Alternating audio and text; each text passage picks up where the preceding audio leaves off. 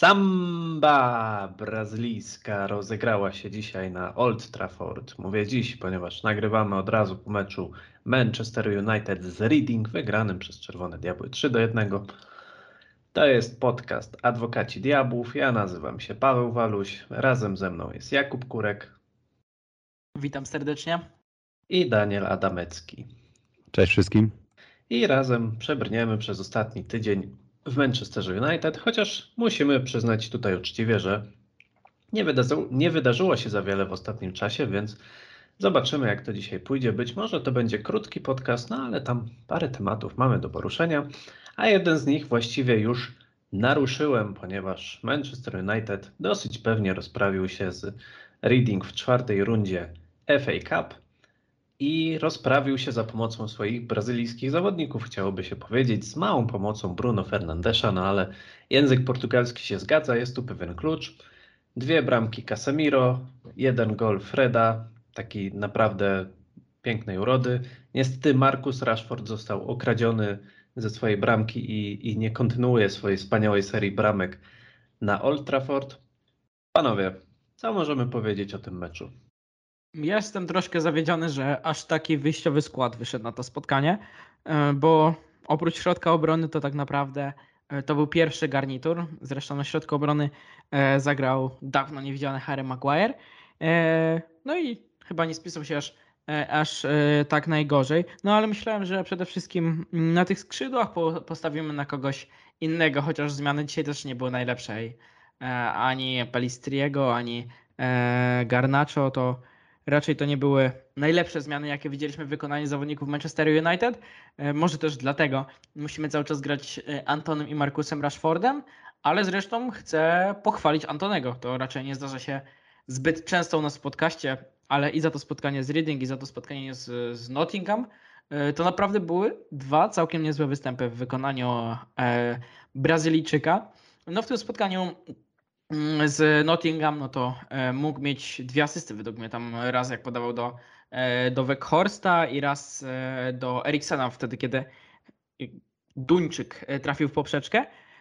Więc to naprawdę były dwa takie spotkania, po których można go pochwalić. Przede wszystkim za niezłomność. Oczywiście z Nottingham ta niewykorzystana sytuacja, kiedy świetnie go, świetnie Hennessy obronił tą jego sytuację. Mm, no a dzisiaj również zanotował asystę i to taką całkiem ładną do, e, do Casemiro, więc naprawdę trzeba mu to e, zaliczyć na plus. A oprócz tego no, w meczu z Nottingham wszedł Pelistri Eranga i dość dobrze to wyglądało. Szkoda, że, szkoda, że tym razem było trochę gorzej, jeśli chodzi o tych naszych zmienników na skrzydłach. No i jeszcze dobrze, że mamy taką zaliczkę przed rewanżem z Nottingham i dobrze, że nie zremisowaliśmy na przykład z tym Reading, bo byłby, byłoby kolejne spotkanie, więc, e, więc e, trzeba się cieszyć, że Manchester United ma na koncie dwa zwycięstwa, e, dwa dość pewne zwycięstwa, chociaż zszokowało mnie trochę jeszcze jak tworzyłem zapowiedź tego spotkania, że Andy Carroll gra teraz w Reading. Nie wiedziałem, nie miałem pojęcia, jak dostał czerwoną kartkę, to już w ogóle troszkę się uśmiechnąłem, że, że ten piłkarz, którego ja jeszcze pamiętam z gry w Liverpoolu, radzi sobie tak tak dobrze w barwach tego klubu z Championship. E, przepraszam, że ci się wtrącę, Daniel, bo teraz ty powinieneś się wypowiedzieć, ale tak się wydarzyło, że zapisałem sobie to, co chciałem powiedzieć ze wstępie, ale niestety jestem durniem i tego nie powiedziałem. Zacząłem od razu o meczu mówić, więc zanim jeszcze Daniel się wypowie o Reading, czy też o Nottingham, nie, o Reading teraz mówimy, to pozwólcie mi tylko napomknąć, że Mamy teraz pewne plany związane z przyszłością. Jeszcze nie będziemy zdradzać jakie, bo są one może nie aż tak odległe, ale na razie jeszcze nie chcemy się nimi dzielić. W każdym razie chcemy Was zachęcić, jeżeli chcecie zobaczyć, co dla Was przygotujemy w przyszłości, jeżeli chcecie też nam pomóc w rozwoju, no to z tego co widziałem, na przykład też nie za dużo nam brakuje w subskrypcjach, żeby dobić już do 200, to na pewno by nas bardzo podbudowało. Także jak chcecie wiedzieć, co się będzie u nas działo i chcecie być tego częścią, albo po prostu chcecie na bieżąco śledzić nasz podcast, no to koniecznie walnijcie nam subskrypcję na YouTubie. I też chciałem wspomnieć, że oczywiście będziemy wspominać o wynikach konkursu na końcu odcinka, więc jeżeli jesteście tym zainteresowani, no to zostańcie z nami do końca. Daniel, oddaję Ci już teraz głos.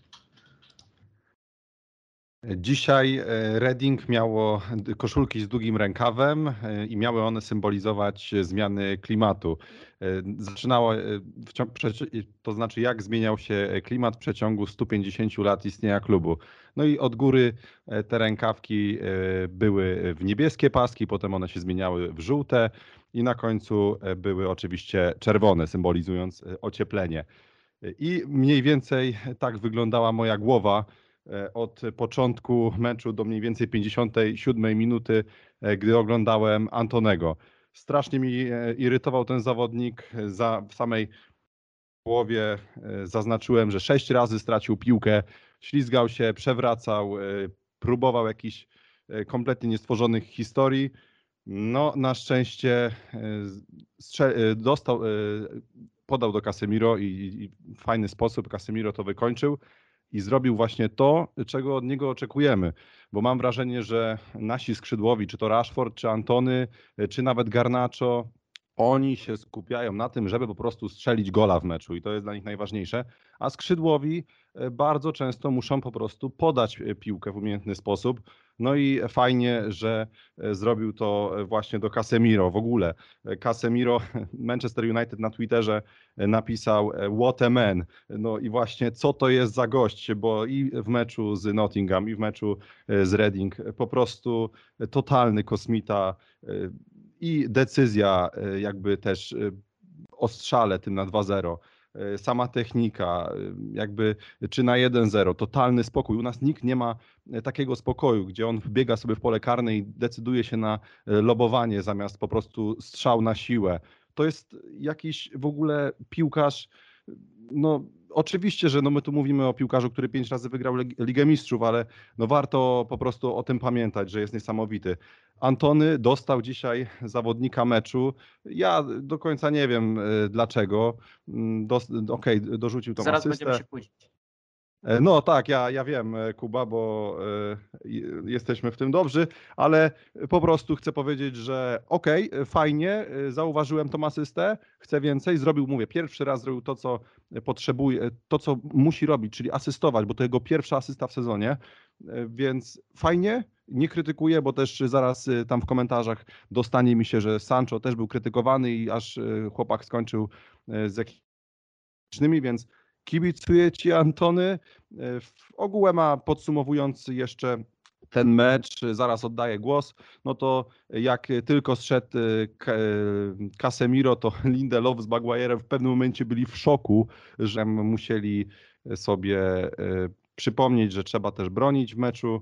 No i e, też, że właśnie zawalili bramkę na 1 do 3. Lindelof e, krył Malasję, a Maguire powietrze. Jeszcze wtrącę się o Lindelofie, e, że mam wrażenie, że to jest taki Jan Bednarek. On mi zaczął strasznie przypominać Jana Bednarka. Może już wcześniej go przypominał, Oczywiście z zachowaniem pewnych proporcji. Oczywiście Lindelof jest znacznie lepszym obrońcą, mm, ale tak jeśli chodzi o e, posturę, sposób bronienia, on też czasem mają słabą koordynację i nie są do końca świadomi swojego ciała w przestrzeni.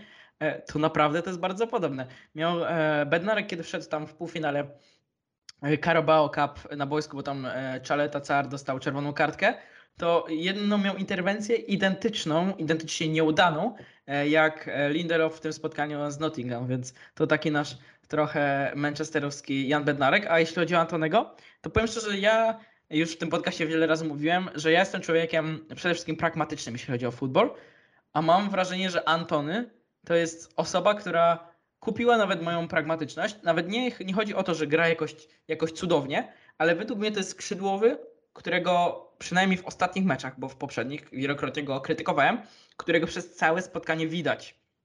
My w Manchesterze nie mamy takich piłkarzy i wydaje mi się, że to jest też trochę taka taktyka e, Erika Tenhaga, jak zresztą dużo e, teraz menedżerów stosuje takie zagrania, żeby jeden skrzydłowy grał szeroko, a drugi bardziej uczestniczył w rozegraniu i, i częściej uczestniczył w grze w tym środkowym sektorze. E, I mam wrażenie, że Antony w przyszłości, kiedy będziemy mieli jeszcze więcej e, posiadania piłki, to on będzie bardzo użyteczny, bo on e, robi użytek z tej swojej lewej nogi i też mimo, że irytują mnie jego straty, irytują mnie jego pomyłki, czasem nieudane zagrania, czasem właśnie to, że nie poda piłki, to mam wrażenie, że on jest bardzo aktywny I w ostatnich spotkaniach jest z niego znacznie więcej pożytku, jest znacznie więcej e, e, wiatru, a nie tylko szumu. I, też mm, nie zgadzam się z tym, że pierwszy raz dobrze zagra, bo mógł, e, że zanotował asystę, bo w tym spotkaniu z Nottingham tak naprawdę poprzeczka go tylko pozbawiła asysty oraz to, że Wout Weghorst się nie spieszył do, do piłki po jego zagraniu i tak na wślizgiem e, zabloko, zablokował go McKenna, bo tam też mógł mieć dwie naprawdę e, niezłe asysty. Może ta do Eriksena trochę mniej, e, mniej spektakularna, ale według mnie Antony to jest, jest w tym momencie, do, jeśli spojrzeć na jego formę, to spisuje się lepiej od Jadona Sancho, kiedy ten grał w Manchesterze United regularnie, zanim dopadły go te kłopoty. Owszem, trzeba brać poprawkę na to, że, że Jadon Sancho grał w znacznie słabszym zespole i dopiero zobaczymy, e, bo ten powoli wraca, jak będzie wyglądał na tle machiny Erika Ten Haga, ale e, przede wszystkim jak ten Antony irytuje, to ja mam do niego dużo cierpliwości, bo po pierwsze właśnie cały czas e, tworzy zagrożenie i skupia uwagę obrońców. E, Owszem, czasem e, ten dribbling jeszcze nie jest, nie jest taki e, dobry, ale to uderzenia za zasłony, jak nawet Damian na naszej grupie e, pisał, e, są naprawdę dobre jego, w jego wykonaniu i tą lewą nogę ma ułożoną e, i na przykład ten strzał, m, kiedy Wout Weghorst dobijał piłkę w meczu z Nottingham, był naprawdę niezły. Naprawdę widać, że, że ta lewa noga u niego jest ułożona i jeszcze kilka bramek dla Manchester United zdobędzie. I jeśli by nie kosztowało 100 milionów, to ja bym był z tego transferu zadowolony. To ja się tutaj trochę wtrącę. E, Może wyjdę na malcontenta, no ale trudno. Nie uważam, żeby Antony zagrał dobry mecz z Reading. Z Nottingham było trochę lepiej, ale z Reading on miał dobre momenty. To jest prawda to, co mówi, że cały czas się pokazywał do gry. Ale zobaczcie sobie powtórkę tego gola, którego strzeliło właśnie Reading. Kto krył w polu karnym zawodnika, który strzelił bramkę i dlaczego on się znalazł bez krycia? Ja wam powiem dlaczego, możecie to sobie sprawdzić na własne oczy. Jest taki moment, kiedy oni stoją, to znaczy ten gracz Reading, y, on się chyba Mbengo nazywał, czy jakoś tak, i Antony. Antony go trzyma, po czym Antony sobie biegnie w lewo, Mbengo sobie biegnie w prawo, dostaje piłkę i strzela bramkę. To było krycie przy stałym fragmencie gry Antonego. Pamiętam też sytuację, jak dostał piłkę w polu karnym, zupełnie niekryty. Dostaje piłkę, przewraca się, w ogóle nie uderza na bramkę. Pamiętam sytuację, jak był za linią pola karnego, zaczął się kiwać z jakimś obrońcą, potknął się. No jakby ja będę wymagał więcej. Ja rozumiem, że on daje z siebie tyle, ile może. Ja rozumiem, że też mu nie zawsze wychodzi, że to są początki. To nie jest tak, ponownie to podkreślę, bo wielu kibiców ma do tego tendencję. Ja go nie skreślam. Ja jak najbardziej widzę szansę na to, że on będzie grał w Manchesterze United w przyszłości i będzie to robił w, na, w naprawdę, będzie to robił na naprawdę wysokim poziomie.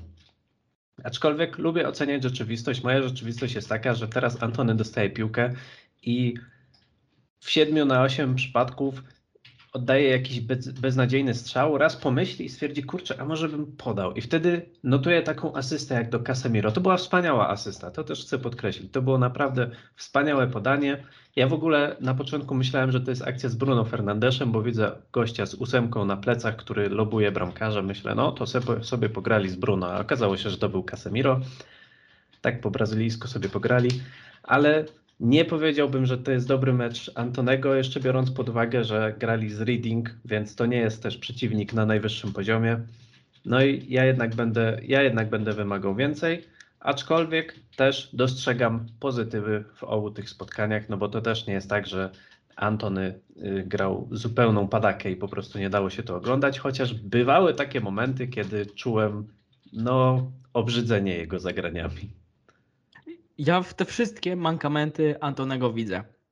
Ja dostrzegam to, że on się czasem wywali i wszystkich to frustruje, ale ja troszkę już mam z nim e, jak z Bruno Fernandeszem.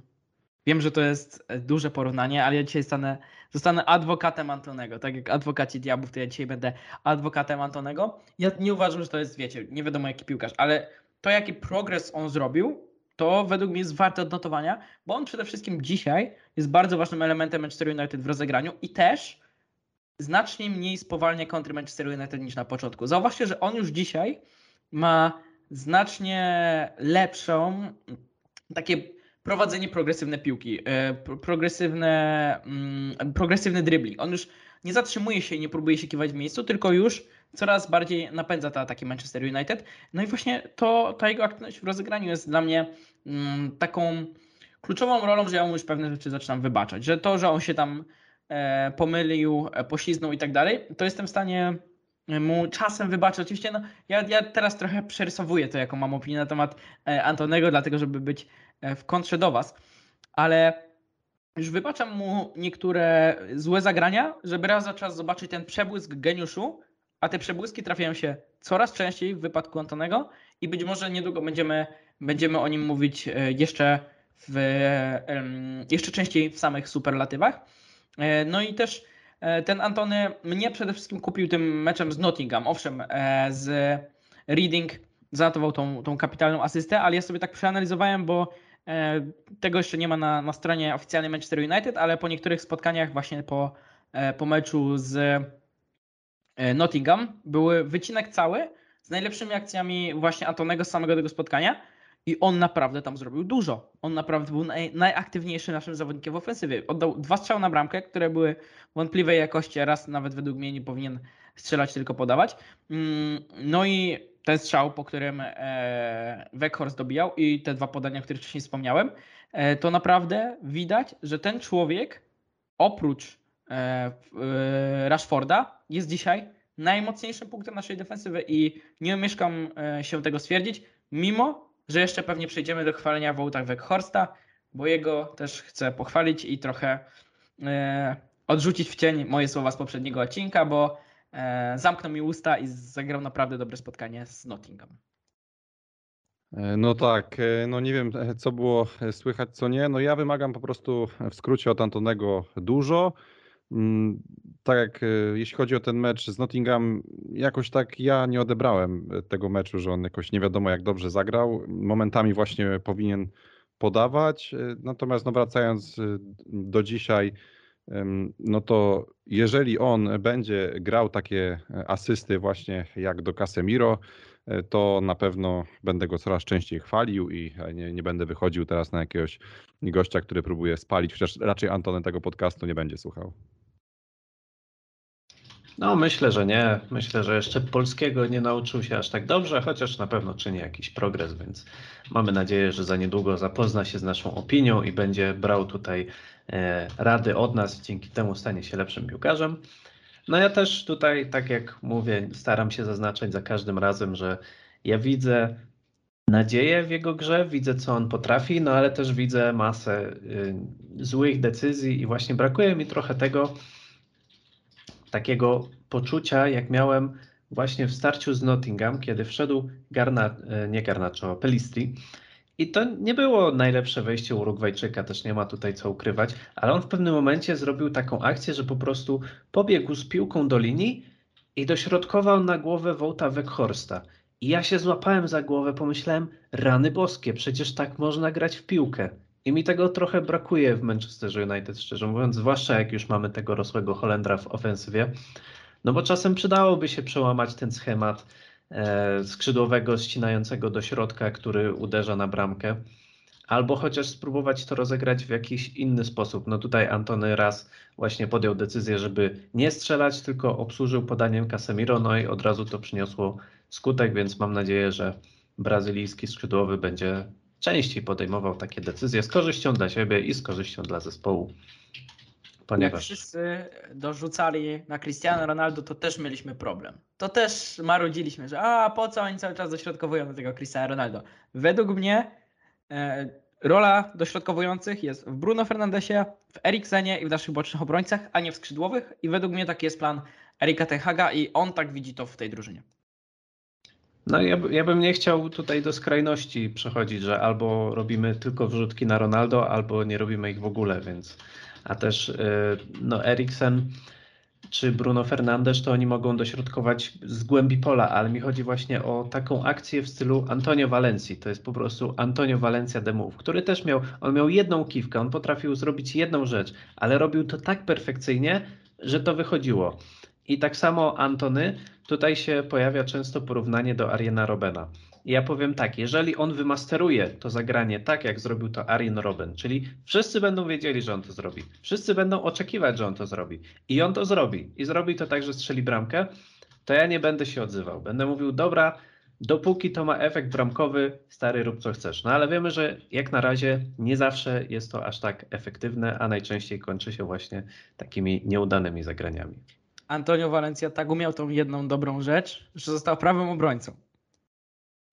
No tak, no ale naprawdę świetnie się z tym, w tym spisywał, a też został prawym obrońcą, jak już był trochę starszy i trochę mu brakowało tej dynamiki, albo y, po prostu stwierdzono, że przyda się jako ten obiegający. W każdym razie, no moim zdaniem to nie byłaby zbrodnia, gdyby skrzydłowy też dośrodkował. No mówię, nie, nie przechodźmy tutaj w jakieś skrajności i nie ograniczajmy się tylko do y, jednego systemu gry, czy jednego jakiegoś pomysłu na grę, no bo to też nie będzie zbyt zdrowe, więc nie byłbym Właśnie, tutaj taki e, jeżeli porównujemy, e, jeżeli porównujemy Antonego do Ari- Ariana Robena, to Holender zawsze, oprócz tego, że strzelał mnóstwo goli tą lewą nogą, e, to zawsze w, se, w samych lidze potrafił dorzucić 6, 7, 9 asyst i czy to były jakieś tam wrzutki, raczej były to takie właśnie zagrania, no na przykład do Lewandowskiego czy do Tomasa Millera, jak zrobił to dzisiaj Antony.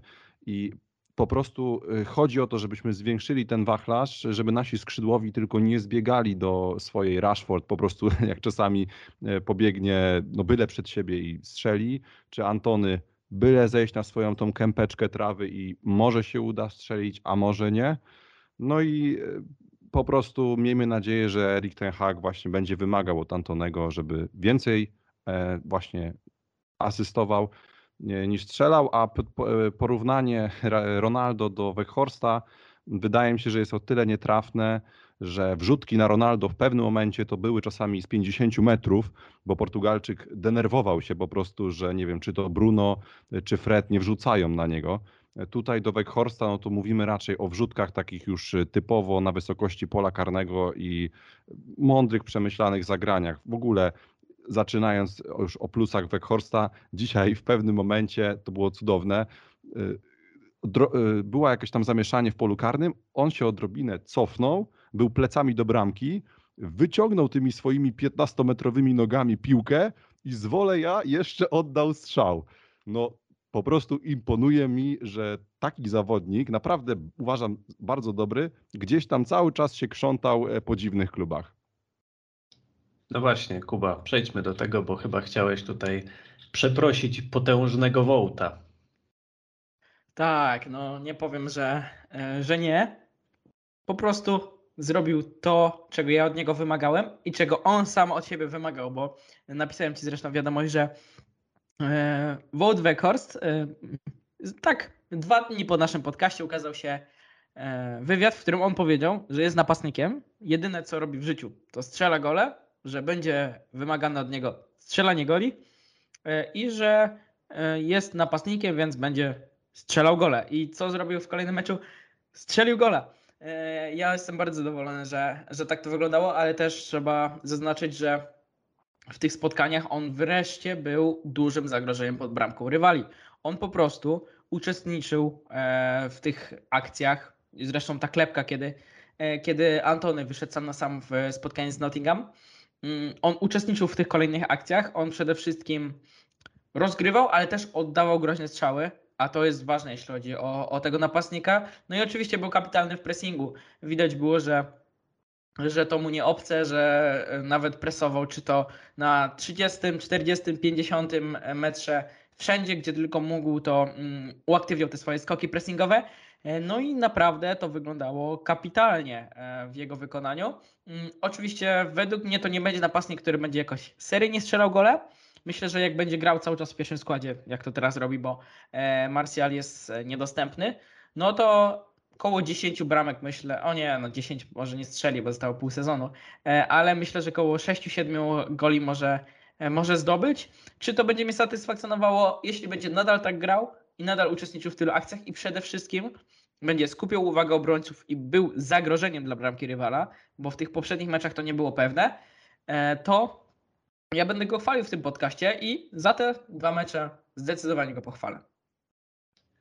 A powiedzcie mi, bo spotkałem się już z takimi opiniami, zresztą to było chyba w studiu w Viaplay, kiedy eksperci zaproszeni tam mówili, że ich wcale by nie zaskoczyło, gdyby Wout Weghorst trafił definitywnie do Manchester United. I trochę mnie zaskoczyły takie stwierdzenia, bo po pierwsze absolutnie nie patrzyłem na niego pod tym kątem, po drugie wydaje mi się, że trochę jest za wcześnie na takie dywagacje. Ale zastanawiam się, jakby na przykład rozegrał taki przyzwoity, przyzwoitą połowę sezonu, czyli tam parę bramek strzelił, cały czas tak pożytecznie biegał, bo to chyba jest definicja pożyteczności, jeśli możemy tak powiedzieć. I czy wy widzicie sens w tym, żeby go na przykład pozyskiwać latem, jeżeli tak się stanie? No bo z drugiej strony gość ma swoje lata, no i też chyba się zgodzimy, że mimo tych wszystkich pochwał, które kierujemy pod jego kierunkiem, no to on pewnego poziomu raczej nie przeskoczy, ale może na przykład jako taki właśnie rezerwowy napastnik. Daniel, myślisz, że to miałoby sens? Bramka z Nottingham to była bramka, e, której tego typu bramek nie strzelaliśmy od kiedy w klubie jeszcze był Edison Cavani. I to tak był, to znaczy grał w każdym meczu, bo to był ostatni chyba taki napastnik prawdziwy, e, który właśnie no, był taki łasy na te, na te gole.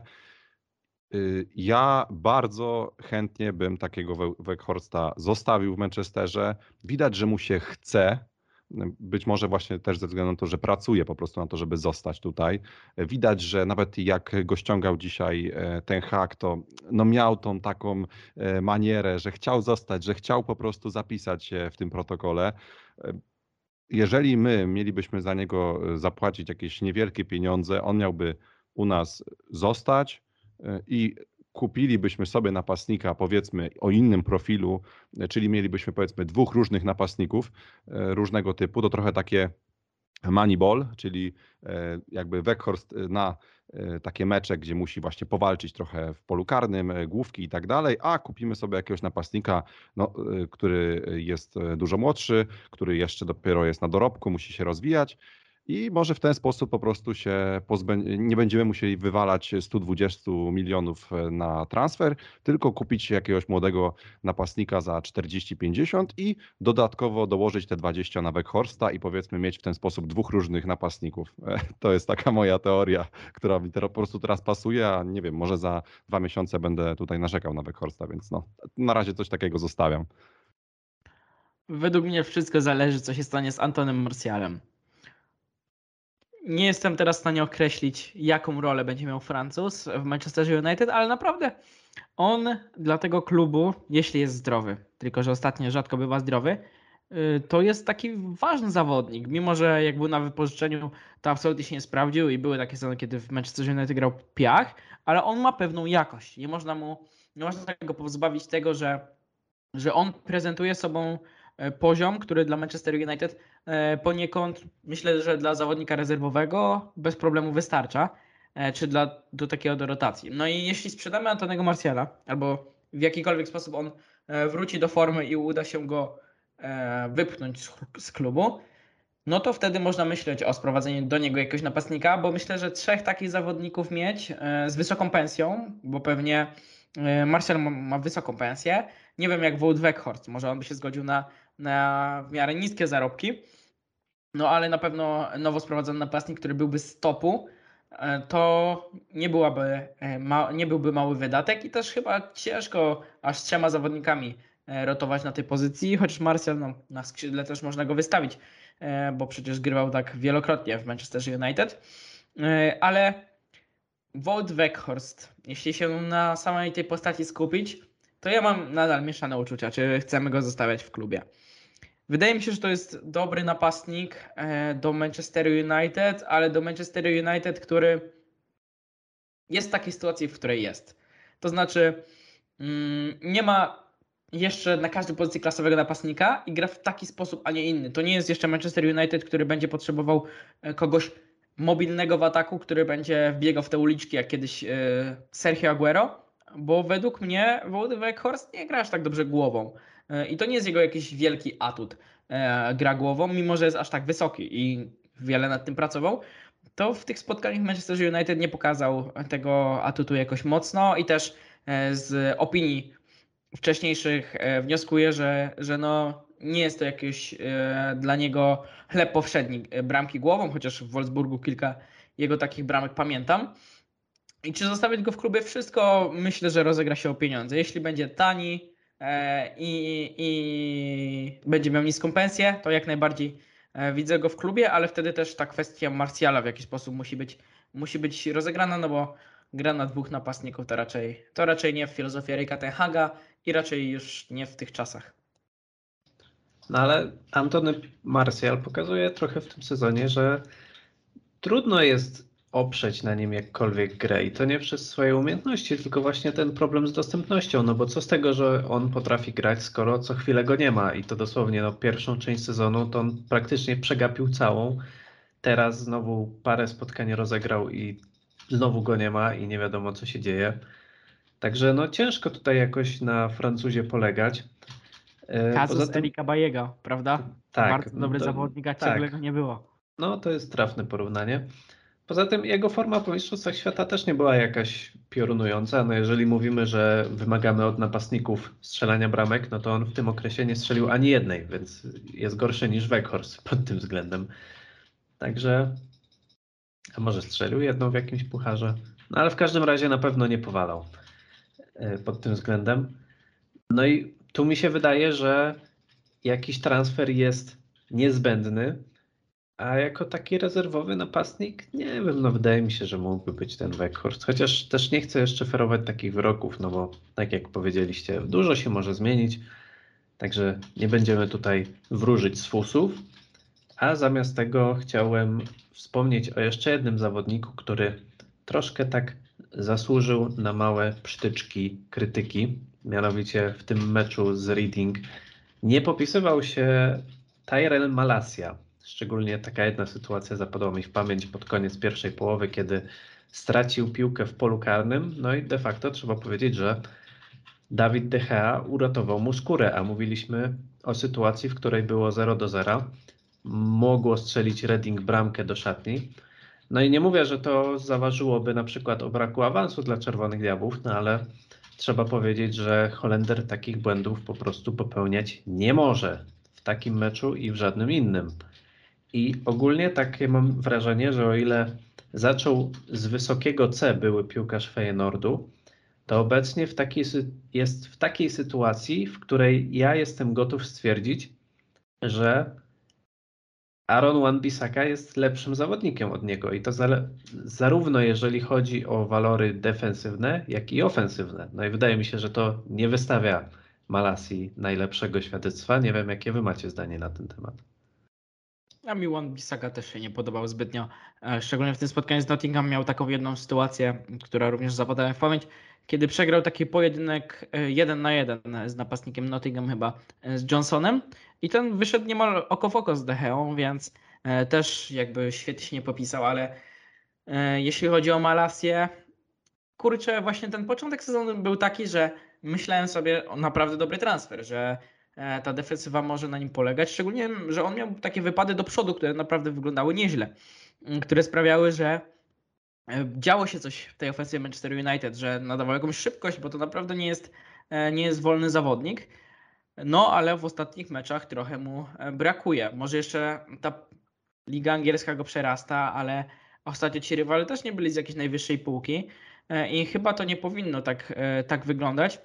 No pojedynków za dużo też nie wygrywa. Jak zerkałem na te statystyki, to, e, to nie wygląda to najlepiej, zależy w jakim spotkaniu, ale mm, tutaj gdzieś miał e, połowę wygranych pojedynków, tu nawet mniej niż połowę, więc, e, więc te statystyki też go nie bronią.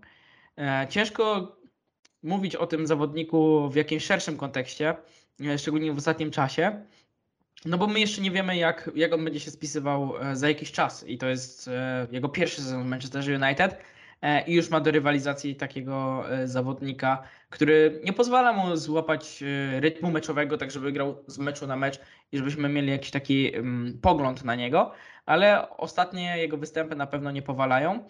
Mm, No i ten transfer ciężko ocenić jako jednoznacznie pozytywny. Ja mam też takie ambiwalentne uczucia wobec niego. No jeszcze właśnie oprócz tej sytuacji, co Paweł wspomniał e, w polu karnym, co uratował go De Gea, to potem w drugiej połowie Malasia rzucił piłkę, tak wsadził na konia Lindelofa, który miał na sobie obrońcę i to też mogło się potem skończyć bramką. No ja Wan Bisaka naprawdę uważam, że robi świetne postępy, e, jakby teraz pod wodzą mm, Ten Haga. Wydaje mi się, że pracują nad nim, jeśli chodzi o to, co ma robić z przodu, bo pamiętam, że Solskier i piłkarze zawsze mówili, że Solskier e, daje im wolną rękę, e, jakby już jak są powiedzmy na 20-30 metrze od bramki, to jakby już chłopaki mają sami sobie coś wyczarować. Tutaj widać, że ktoś pracuje z tym Wanem Bisaką, bo on już aż tak nie ma sparaliżowanych nóg, e, kiedy jest na tym 20-30 metrze. Mam nadzieję, że no dalej będą nad nim pracować, bo przypominam, że jeszcze kilka lat temu, kiedy go kupowaliśmy za 50 milionów euro, to y, cała wówczas Anglia go chciała i Manchester City e, i e, Arsenal. Także to jest piłkarz, który wydaje mi się, że dalej jest, da się go rozwinąć, zwłaszcza z przodu. Z tyłu dużo pracy nie ma, bo jest Casemiro i e, jak gramy pierwszą obronną, to też jest jakby wszystko tam raczej stabilnie, a e, poza tym zawsze może wjechać na wślizgu, a z przodu naprawdę no, coraz lepiej się pokazuje. Także Juan Bisaka e, jak najbardziej pozytywnie. Malasia, no tak, zobaczmy, zobaczmy jeszcze dajmy mu szansę, ale nie wydaje mi się, że się sprawdził. Wydaje mi się, że jakby raczej będziemy szukać dalej, e, jakby no będzie pewnie docelowo po prostu Luke Show, Diogo Dalot, gdzieś tam ta, ten bok obrony, ale jakby Wan Bisaka będzie pierwszym e, do wejścia. No Wan ma ten swój mankament, o którym wspominał zresztą Kuba w poprzednim podcaście, czyli tą obronę strefową, jak on ma pokryć jakąś strefę, no to ewidentnie sobie z tym nie radzi i generalnie dla niego mam wrażenie takie właśnie bronienie w zestawieniu nie działa. On jest dobry jak ma bronić jeden na jednego, no to wiemy, że w tych pojedynkach jest naprawdę niezły, chociaż tak jak wspomniał też tutaj Kuba i teraz czasem zdarzy mu się jakiś pojedynek przegrać. No ale Malasia to mam wrażenie, że on jest waleczny i to w sumie wszystko, co mogę o nim powiedzieć na razie pozytywnego. E, często daje się objeżdżać, często popełnia faule, też w takich newralgicznych miejscach. W ofensywie no tam troszkę pomoże, troszkę poda, ale nie są to jakieś akcje, po których byśmy wstawali i wiwatowali. No nie wydaje mi się, żeby w najbliższym czasie miał faktycznie e, rzucić wyzwanie Lukowi Szołowi, jeżeli ten będzie zdrowy, no bo wiemy, że Anglik też ostatnio miewa jakieś problemy, także może Holender będzie miał więcej okazji, żeby się zaprezentować i też złapać jakiś rytm meczowy. A my chyba sobie zamkniemy te spotkania. Wydaje mi O nie, jeszcze spytam Was o tą sytuację ze spalonym yy, przy golu Rashforda, no bo wydaje mi się, że to jest dosyć absurdalny moment, zwłaszcza jeżeli przypomnimy sobie bramkę Bruno Fernandesza w derbach. No ja naprawdę, przepisy spalonego stają się dla mnie abstrakcją i to jest aż zatrważające, jak wiele w tych momentach zależy od tego, kto akurat interpretuje zasady. A to dziwne, y, że z interpretacją spalonego mam takie problemy. Przecież tyle lat mieliśmy problemy e, z interpretacją ręki. No to, to już bardziej rozumiem, no bo te przepisy się zmieniały e, i tą rękę akurat nie ma chyba dobrego rozwiązania, żeby, e, żeby te ręki wykluczyć z piłki nożnej i zrobić to w jakiś taki sposób, że wszyscy będą rozumieli, bo chyba to jest zbyt skomplikowane zagadnienie. No ale przy spalonym, no to szczerze mówiąc, ja nie mam pojęcia. Jak ty tłumaczyłeś ostatnio te przepisy właśnie przy tym e, golu w derbach Manchesteru, e, to ja potem czytałem jeszcze dwa razy te przepisy i ty uważałeś, że te przepisy mówią na korzyść tego, że Manchester United powinien zdobyć bramkę, a ja potem czytałem to i miałem wrażenie, że, że jednak mówią na niekorzyść Manchester United. Więc może zaprośmy tu jakiegoś kiedyś sędziego i on e, się wypowie, bo szczerze ja czuję, że ja niewystarczająco dużo wiem na ten temat, żeby wydać wyrok w tej sprawie, e, w sprawie tego gola e, Markusa Rashforda. No ale tak z duchem gry to nie wiem. To szczerze mówiąc chyba bym też tego gola nie uznał. No nie wiem, sytuacja była potem tłumaczona między innymi przez komentatorów, że obrońca, który właśnie łamał tą y, linię, że to było przypadkowe odbicie i że dlatego jest spalony. No jeżeli obrońca patrzy się na piłkę, robi do niej ruch, no ale to, że właśnie no, jest y, no, słaby technicznie i ta piłka gdzieś mu odskakuje, leci do Weghorsta, to je, jeżeli oni to interpretują, że to jest przypadkowy ruch, no to w takim razie, nie wiem, promują nieumiejętności grania w piłkę. Dla mnie gol powinien być, Rashford powinien mieć 11 gola w 11 meczach, no ale niestety no, zabrali mu tom. W ogóle jeszcze taka a propos Rashforda ciekawostka, e, ostatnio e, nawet strzelił bramkę Joshua Kimiś i pokazał cieszynkę Markusa Rashforda, jak właśnie no, przykłada palec do głowy, także to pokazuje, jak już roz po prostu E, na, jakby na całą Europę gdzieś tam ta cieszynka już e, Ale poszła. To, to nawet nie na całą Europę, bo mm, ja właśnie robiłem tekst do nas na to i tam już tam Joshua Kimiś, e, Dany Welbeck, Bukayo Saka przeciw nam przecież zrobił tę cieszynkę, ale nawet znany krykiecista, którego imienia już i nazwiska nie pamiętam, ale na turnieju w RPA też zrobił tą cieszynkę po zdobyciu punktu albo wygraniu meczu. Na krykiecie się nie znam, ale wiem, że że też ją wykonał, więc to już wyszło poza futbol. No i tłumaczenie jest takie, przynajmniej tak się domyślamy, że chodzi o jako, jakieś zagadnienie, jakąś sprawę związaną z dbaniem o swoje zdrowie psychiczne. No bo Marcus Rashford w tych wywiadach przed, przed tym sezonem i, i podczas tego sezonu opowiadał o tym, jak bardzo mu odcięcie się i odpoczynek psychiczny pomógł w lepszej grze na boisku i takie są przypuszczenia, zresztą Sky Sports e, chyba to tak na czynniki pierwsze najbardziej rozłożyło, e, że ta cieszynka właśnie ma nawiązywać do do tego dbania o, o zdrowie psychiczne. No tak się wydaje, no bo Markus Rashford jest tutaj modelowym przykładem osoby, która właściwie była na dnie, jeśli chodzi o jakąś kondycję psychiczną, a teraz jest właściwie na szczycie, no bo nawet jak sobie przypomnimy bramkę właśnie z Nottingham, no to przecież ona właściwie w większości polegała na błędach defensywy Nottingham Forest ale wymagała też właśnie tego Markusa Rashforda, który stwierdził, że idzie w dribbling pomiędzy dwóch piłkarzy, jakoś tam tą przebitką piłkę przepchnął, później jeszcze wepchnął lewą nogą obok bramkarza. No i widać, że on ma taką pewność siebie, że on po prostu jak dostaje piłkę, to on z nią biegnie, jak mu nie wychodzi, to się tym nie przejmuje, tylko próbuje kolejny raz.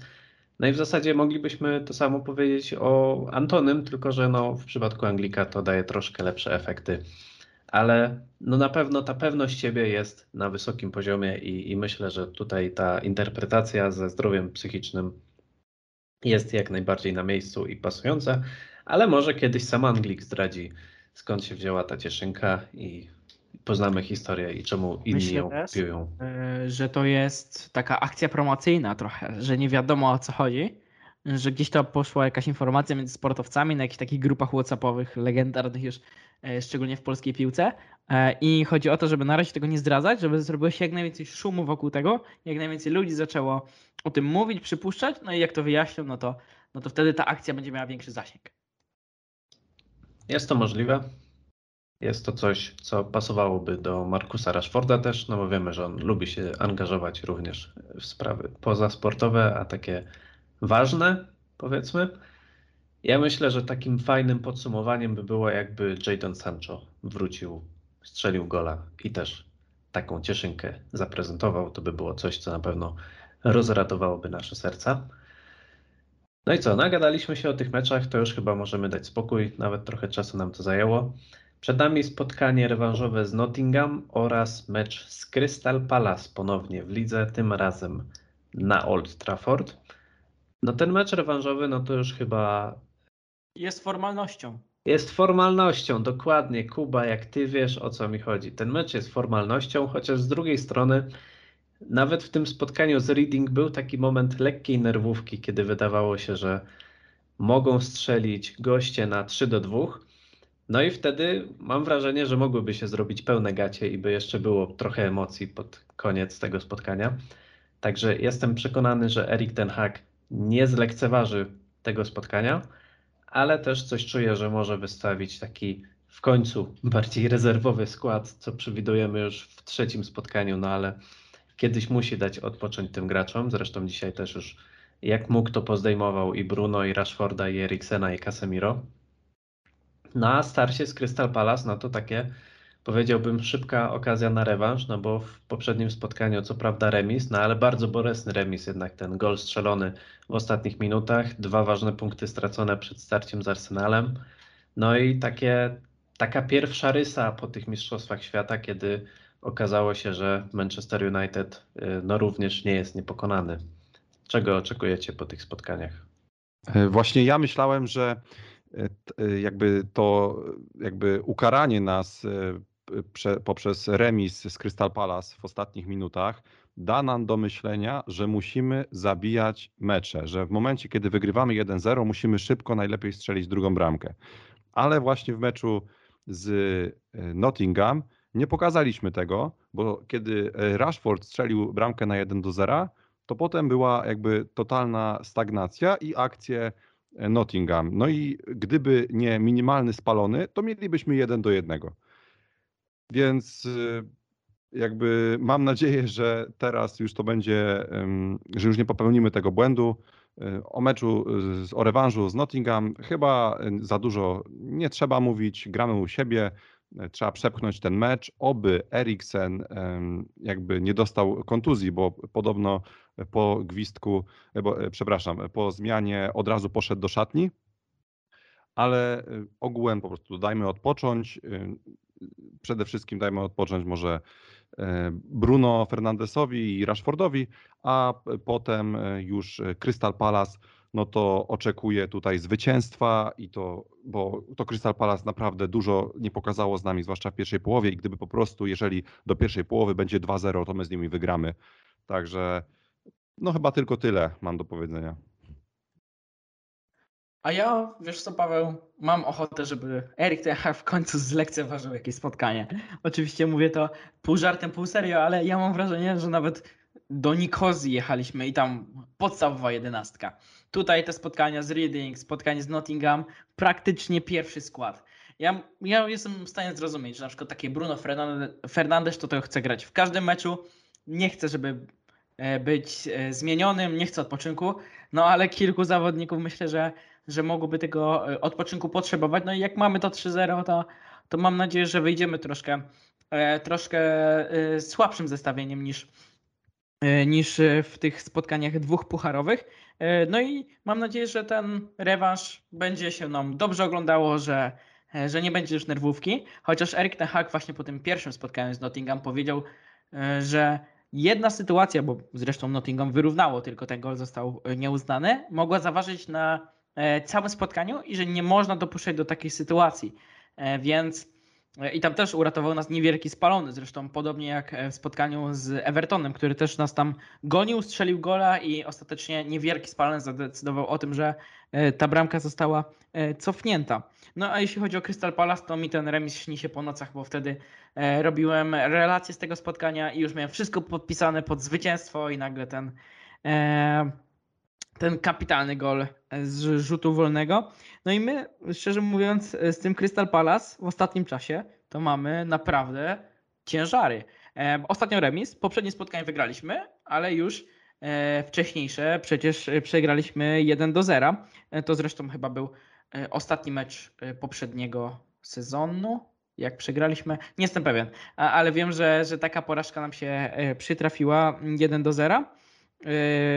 I w pięciu ostatnich spotkaniach my z Crystal Palace wygraliśmy tylko dwa razy. Dwa remisy i jedna porażka, więc, e, więc to też nie wygląda najlepiej. To nie jest e, dla nas najwygodniejszy rywal, ale szczerze mówiąc, w tym spotkaniu, e, które rozgrywaliśmy niedawno, zremisowanym 1 do 1, ja nie widziałem, żeby te orły pokazały coś wielkiego. Ja nawet napisałem na grupie, że, że oni grają tak, tak słabo, że, że my już musimy tutaj wygrać, a jednak w tej końcówce naprawdę przycisnęli i mieli tę sytuację, żeby, e, żeby zremisować, czy nawet pewnie e, jeśli by wykorzystali wszystko, co mieli, to wygrać, chociaż Manchester United był lepszą drużyną.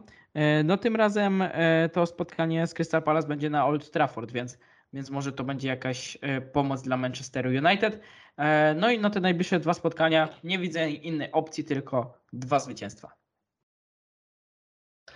Ja może nie chciałbym, żeby Erik Ten Hag zlekceważył tak troszkę e, nawiązując do tego, co powiedziałeś, ale spodziewam się takiej mm, zdrowej rotacji, bo dzisiaj na przykład było widać w pewnym momencie, że jak ten skład został niemal całkowicie wymieniony, no bo była rezerwowa defensywa, co tu dużo nie mówić, w środku pola 17-letni Kobe Mainu i Fred, a z przodu Elanga, Garnacho i Pelistri, no i Antony.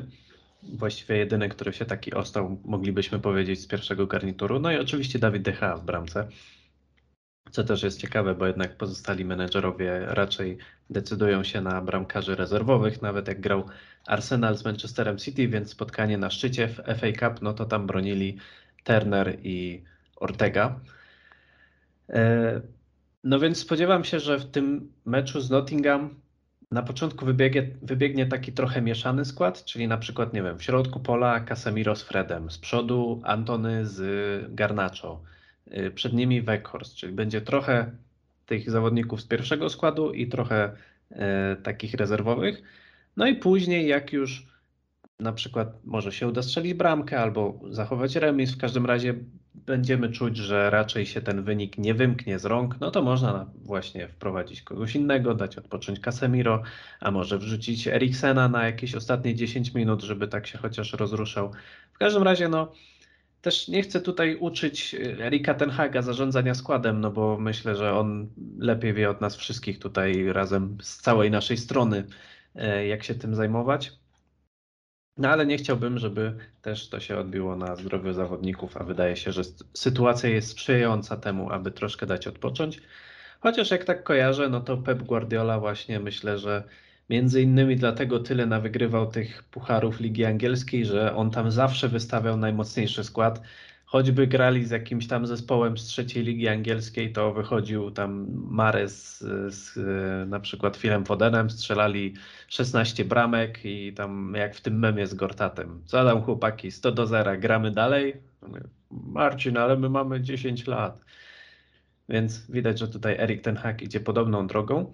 No i w zasadzie trzeba powiedzieć, że mu się to odpłaca, no bo tutaj półfinał, tutaj w FA Cup też na razie dobre wyniki. No w Lidze Europy troszkę potknięcie i przez to jest dwumecz z Barceloną. No ale w zasadzie na każdym froncie notuje awanse, więc nie możemy go za to krytykować. Zobaczymy, jak to będzie wyglądało kondycyjnie. No a jeśli chodzi o Crystal Palace, no to fajnie by było się odbić na swoim stadionie. Wiemy, że teraz Manchester United bardzo dobrze się prezentuje na Old Trafford. No i tak jak powiedziałeś, Kuba, Orły wcale nie pokazały jakiegoś wielkiego futbolu i też mnie troszkę zabolało, że po tym golu na 1 do 1 widać było, że jak Manchester przycisnął, no to oni się tam gubili totalnie, że jakby tam było troszkę więcej czasu, to oni by jeszcze to wyciągnęli na 2 do 1, po prostu ten gol wpadł za późno, jeśli można tak powiedzieć i, i przez to się to zakończyło remisem, a nie zwycięstwem. Także też oczekuję na Old Trafford kolejnej wygranej i tego, że następnym razem spotkamy się e, po to, aby omówić kolejne dwa pewne zwycięstwa. I chyba tyle, jeśli chodzi o temat spotkań, które nas czekają.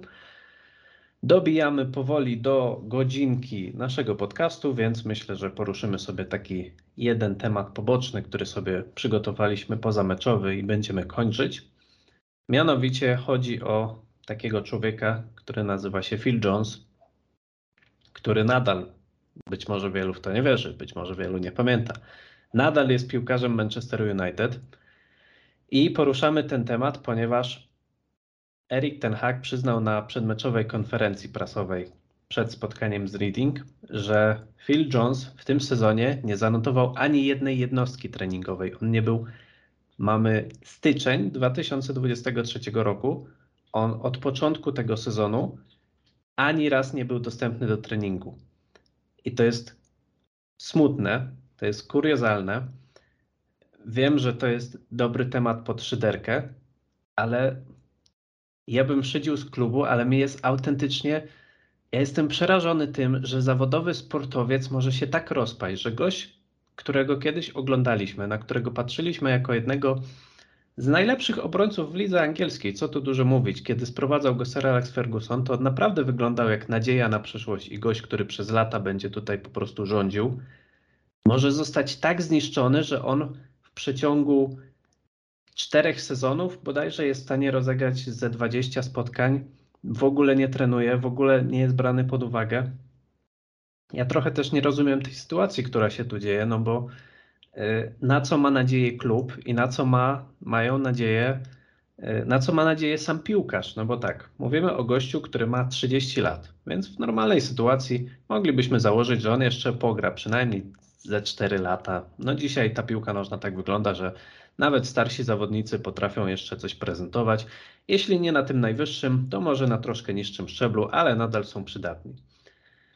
No ale tak, chłop jest w tym klubie od 2010 roku, czyli jest tu 13 lat i rozegrał w tym sezonie, w, w trakcie tego pobytu 229 yy, spotkań.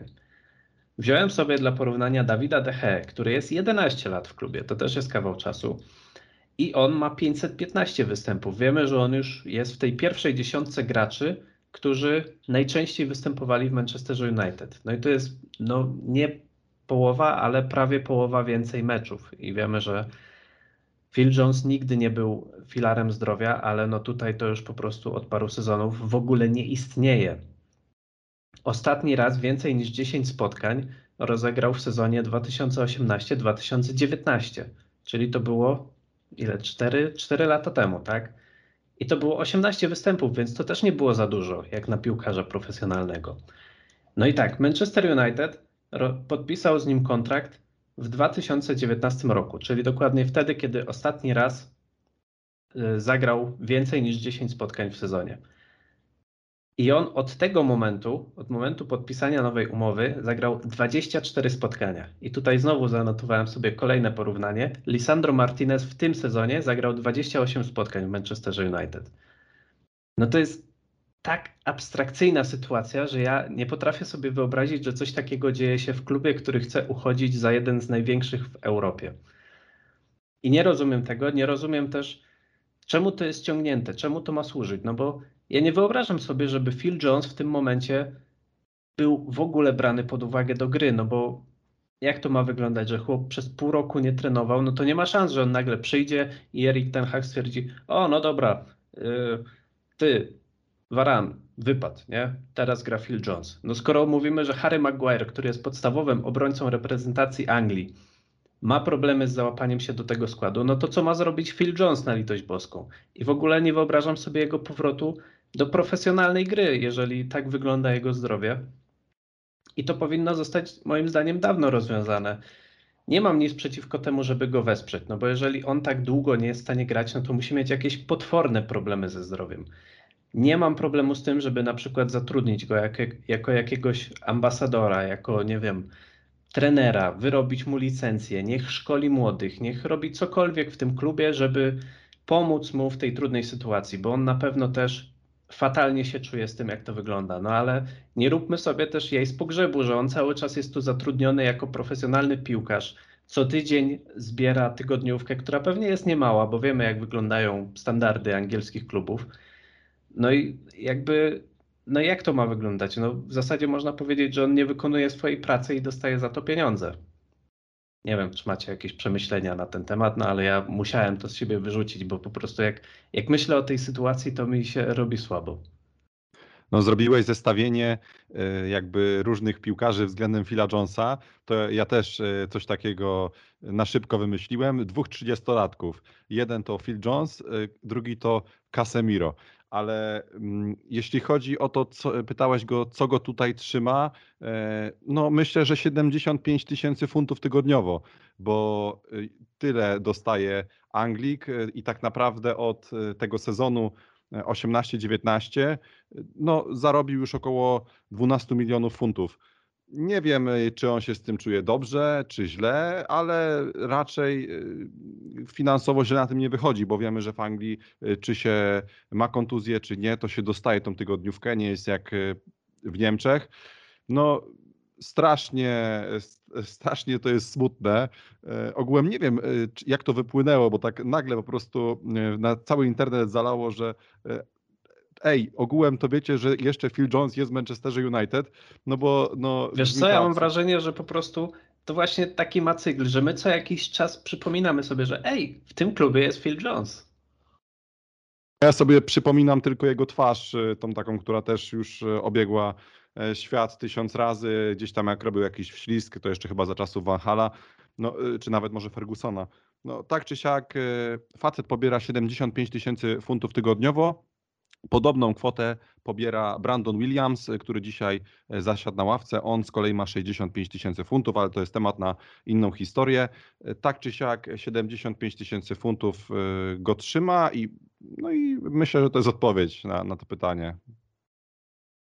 Ale ja w ogóle jestem w szoku, bo my go kupiliśmy jako 19-latka. On naprawdę kawał czasu spędził w tym klubie i dopiero ma 30 lat. Poza tym Transfermarkt wy- wycenia go na 2 miliony euro. To nie są moje pieniądze. Wiecie, 2 miliony euro to w Ekstraklasie taki transfer to jest w ogóle hit. Jakby goście spienięży za te 2 miliony euro, ale myślę, że już, że już co, raczej... Ja myślę, że tylko, nie wiem, chyba Everton byłby w stanie go kupić za 2 miliony euro. Albo chociaż Y- wypożyczyć. Kiedyś po, polecali bodajże, y, był taki piłkarz, y, były Arsenalu, Wilshere. On chyba był nawet polecany jakimś polskim klubom, które ostatecznie odmawiały, bo po prostu widziały, że ten facet może się zaraz rozlecieć i chyba to jest jakby podobny kazus, że nikt go nie chce nawet, nie wiem, go wypożyczyć czy coś takiego, bo każdy wie, że y, no zaraz gościu wyleci znowu i nie będzie go rok. No, Wesley Snyder był blisko wieczystej Kraków, zresztą e, to zostało oficjalnie potwierdzone. No ale ten Phil Jones, no to wygrał sobie Mistrzostwo Anglii, Ligę Europy, Ligę, e, przepraszam, e, Puchar Anglii, Puchar Ligi i nawet dwie tarcze wspólnoty, więc trochę dla tego Manchester United e, powygrywał. No rzeczywiście wydaje mi się, że polityka Manchester United, jeśli chodzi o tego piłkarza, zawiodła. Ja nawet nie do końca wiem, jaką on ma teraz kontuzję. Nie wiem, czy to jest w ogóle podane do wiadomości publicznej, mm, ale ja starałem się to znaleźć i nigdzie nie widziałem, na co on w tym momencie cierpi. E, No, ale też trzeba przyznać, że e, jeśli rozmawiamy o Jonesie, e, to warto porozmawiać też o innych piłkarzach, których dawno w klubie nie powinno być, a Manchester United ich, ich nie sprzedawał, odchodzili, bo kończył się kontrakt i tak dalej, i tak dalej. Manchester United jest beznadziejny w sprzedawaniu piłkarzy. Jeśli zerkniemy na, na to, jakieś robiłem takie zestawienie do nas na stronę, jakie kluby od odejścia Fergusona tam wydały najwięcej.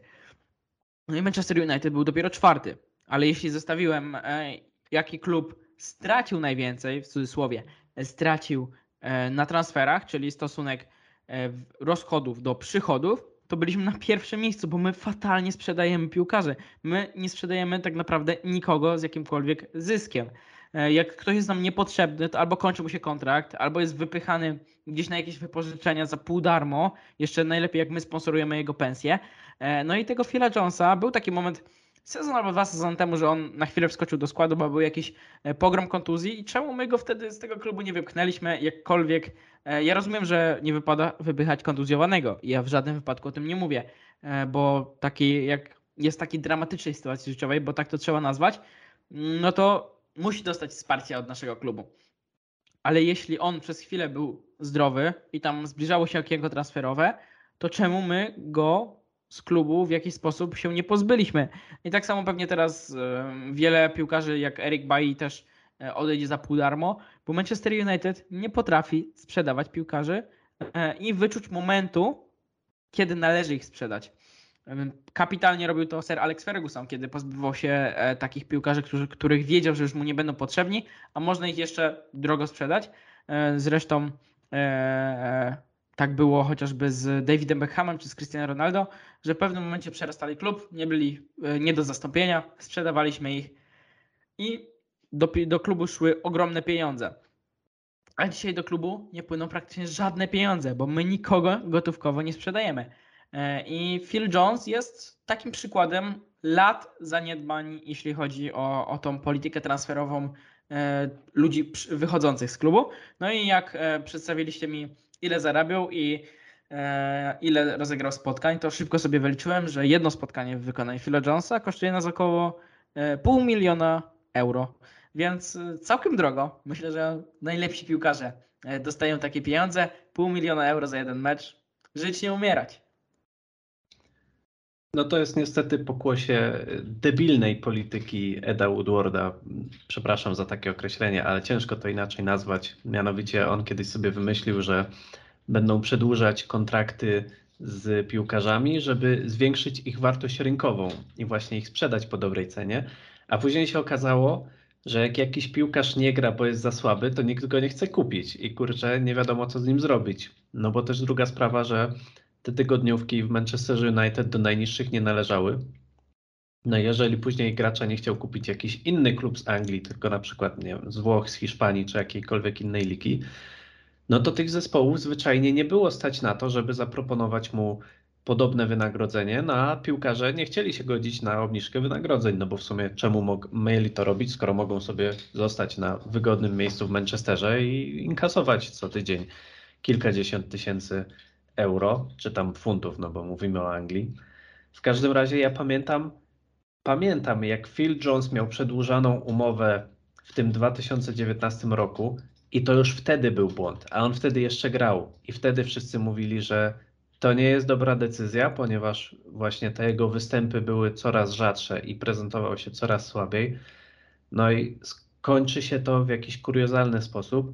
Też myślę, że ważne jest to, co ty, Kuba, powiedziałeś, że my w zasadzie nie wiemy, co się mu dzieje. I nie wiem, może to jest na przykład jakaś choroba, o której on nie chce mówić po prostu, tak prywatnie, no bo to jest dla niego trudne. Ale z drugiej strony wydaje mi się, że no to po prostu źle wygląda, kiedy taki gość jest w klubie, nie wiadomo co się dzieje, nie wiadomo dlaczego on jest, dlaczego on nie gra, dlaczego nie został sprzedany, wypożyczony, dlaczego nie zostają podjęte jakiekolwiek akcje, żeby tą sytuację rozwiązać. No źle, źle to zostało poprowadzone. Być może za niedługo dowiemy się, e, jak to wyglądało, ponieważ Anglikowi zdaje się już po tym sezonie kończy się ten podpisany kontrakt, więc nie spodziewam się przedłużenia i zastanawiam się, czy on w ogóle będzie dalej grał w piłkę, no bo tak jak mówię, no ja sobie trochę to nie wyobrażam, no jeżeli gość przez 3 lata tam, nie wiem, ze 4 razy powąchał boisko i też tych jednostek treningowych też nie miał za dużo, no to nie wiem, nie, nie widzę możliwości innej niż jakiś też pół, półprofesjonalny klub, no albo próba dostania się do wieczystej Kraków, tak jak e, Snyder, no tylko, że Snyder wiemy, że jest trochę starszy od Jonesa, a Jones to jeszcze tak piłkarsko powiedzielibyśmy nie najgorzej.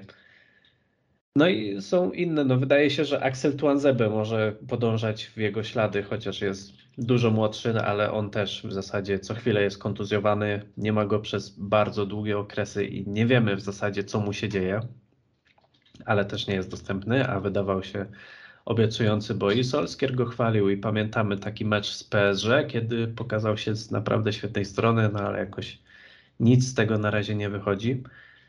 No jest jeszcze takich parę kwestii do ogarnięcia w tym klubie i, i niewątpliwie jest to zadanie i dla Erika Tenhaga, i dla osób, które tym zespołem będą zarządzać. A my zarządzimy sobie powoli przejście do zakończenia tego odcinku. Nawet tam parę tematów udało się poruszyć. Kuba, czy chcesz y, czynić honory i y, ogłosić zwycięzcę naszego konkursu? No to bardzo chętnie będę czynił honory i naszym zwycięzcą ostatniej książki, która nam stała jest Alex Kasprzak, który napisał na, e, jako odpowiedź na pytanie, kto jest większą gwiazdą Manchester United, czy Casemiro, czy Rashford. My tu, e, my tu polemizowaliśmy, a on zarządził, że zdecydowanie Casemiro. Zdobywając tyle tytułów Ligi Mistrzów, musi być wybrany. Rashford po poprzednim sezonie ucichł i moim zdaniem on dopiero się rozkręca e, w tym, co robi pod wodzą Erika Tenhaga. Resztę komentarza można przeczytać e, pod naszym poprzednim filmem, a my dziękujemy za udział w konkursie i gratulujemy wygranej i prosimy o kontakt e, z nami poprzez nasze najlepiej social media, które są podane w opisie. Tak, ja się zgadzam z tym konkursem. Zresztą widziałem dzisiaj fajny komentarz po meczu, chyba Endiego Mitena, tak mi się wydaje, który napisał, że gdyby wygrał w swojej karierze pięć razy Ligę Mistrzów, to raczej nie chciałoby mu się tak biegać w meczu z Reading w czwartej rundzie FA Cup. No ale Brazylijczyk pokazuje, że jak najbardziej jest nienasycony i faktycznie chce w tym klubie coś osiągnąć. E, dziękujemy wszystkim, którzy wzięli udział w konkursie.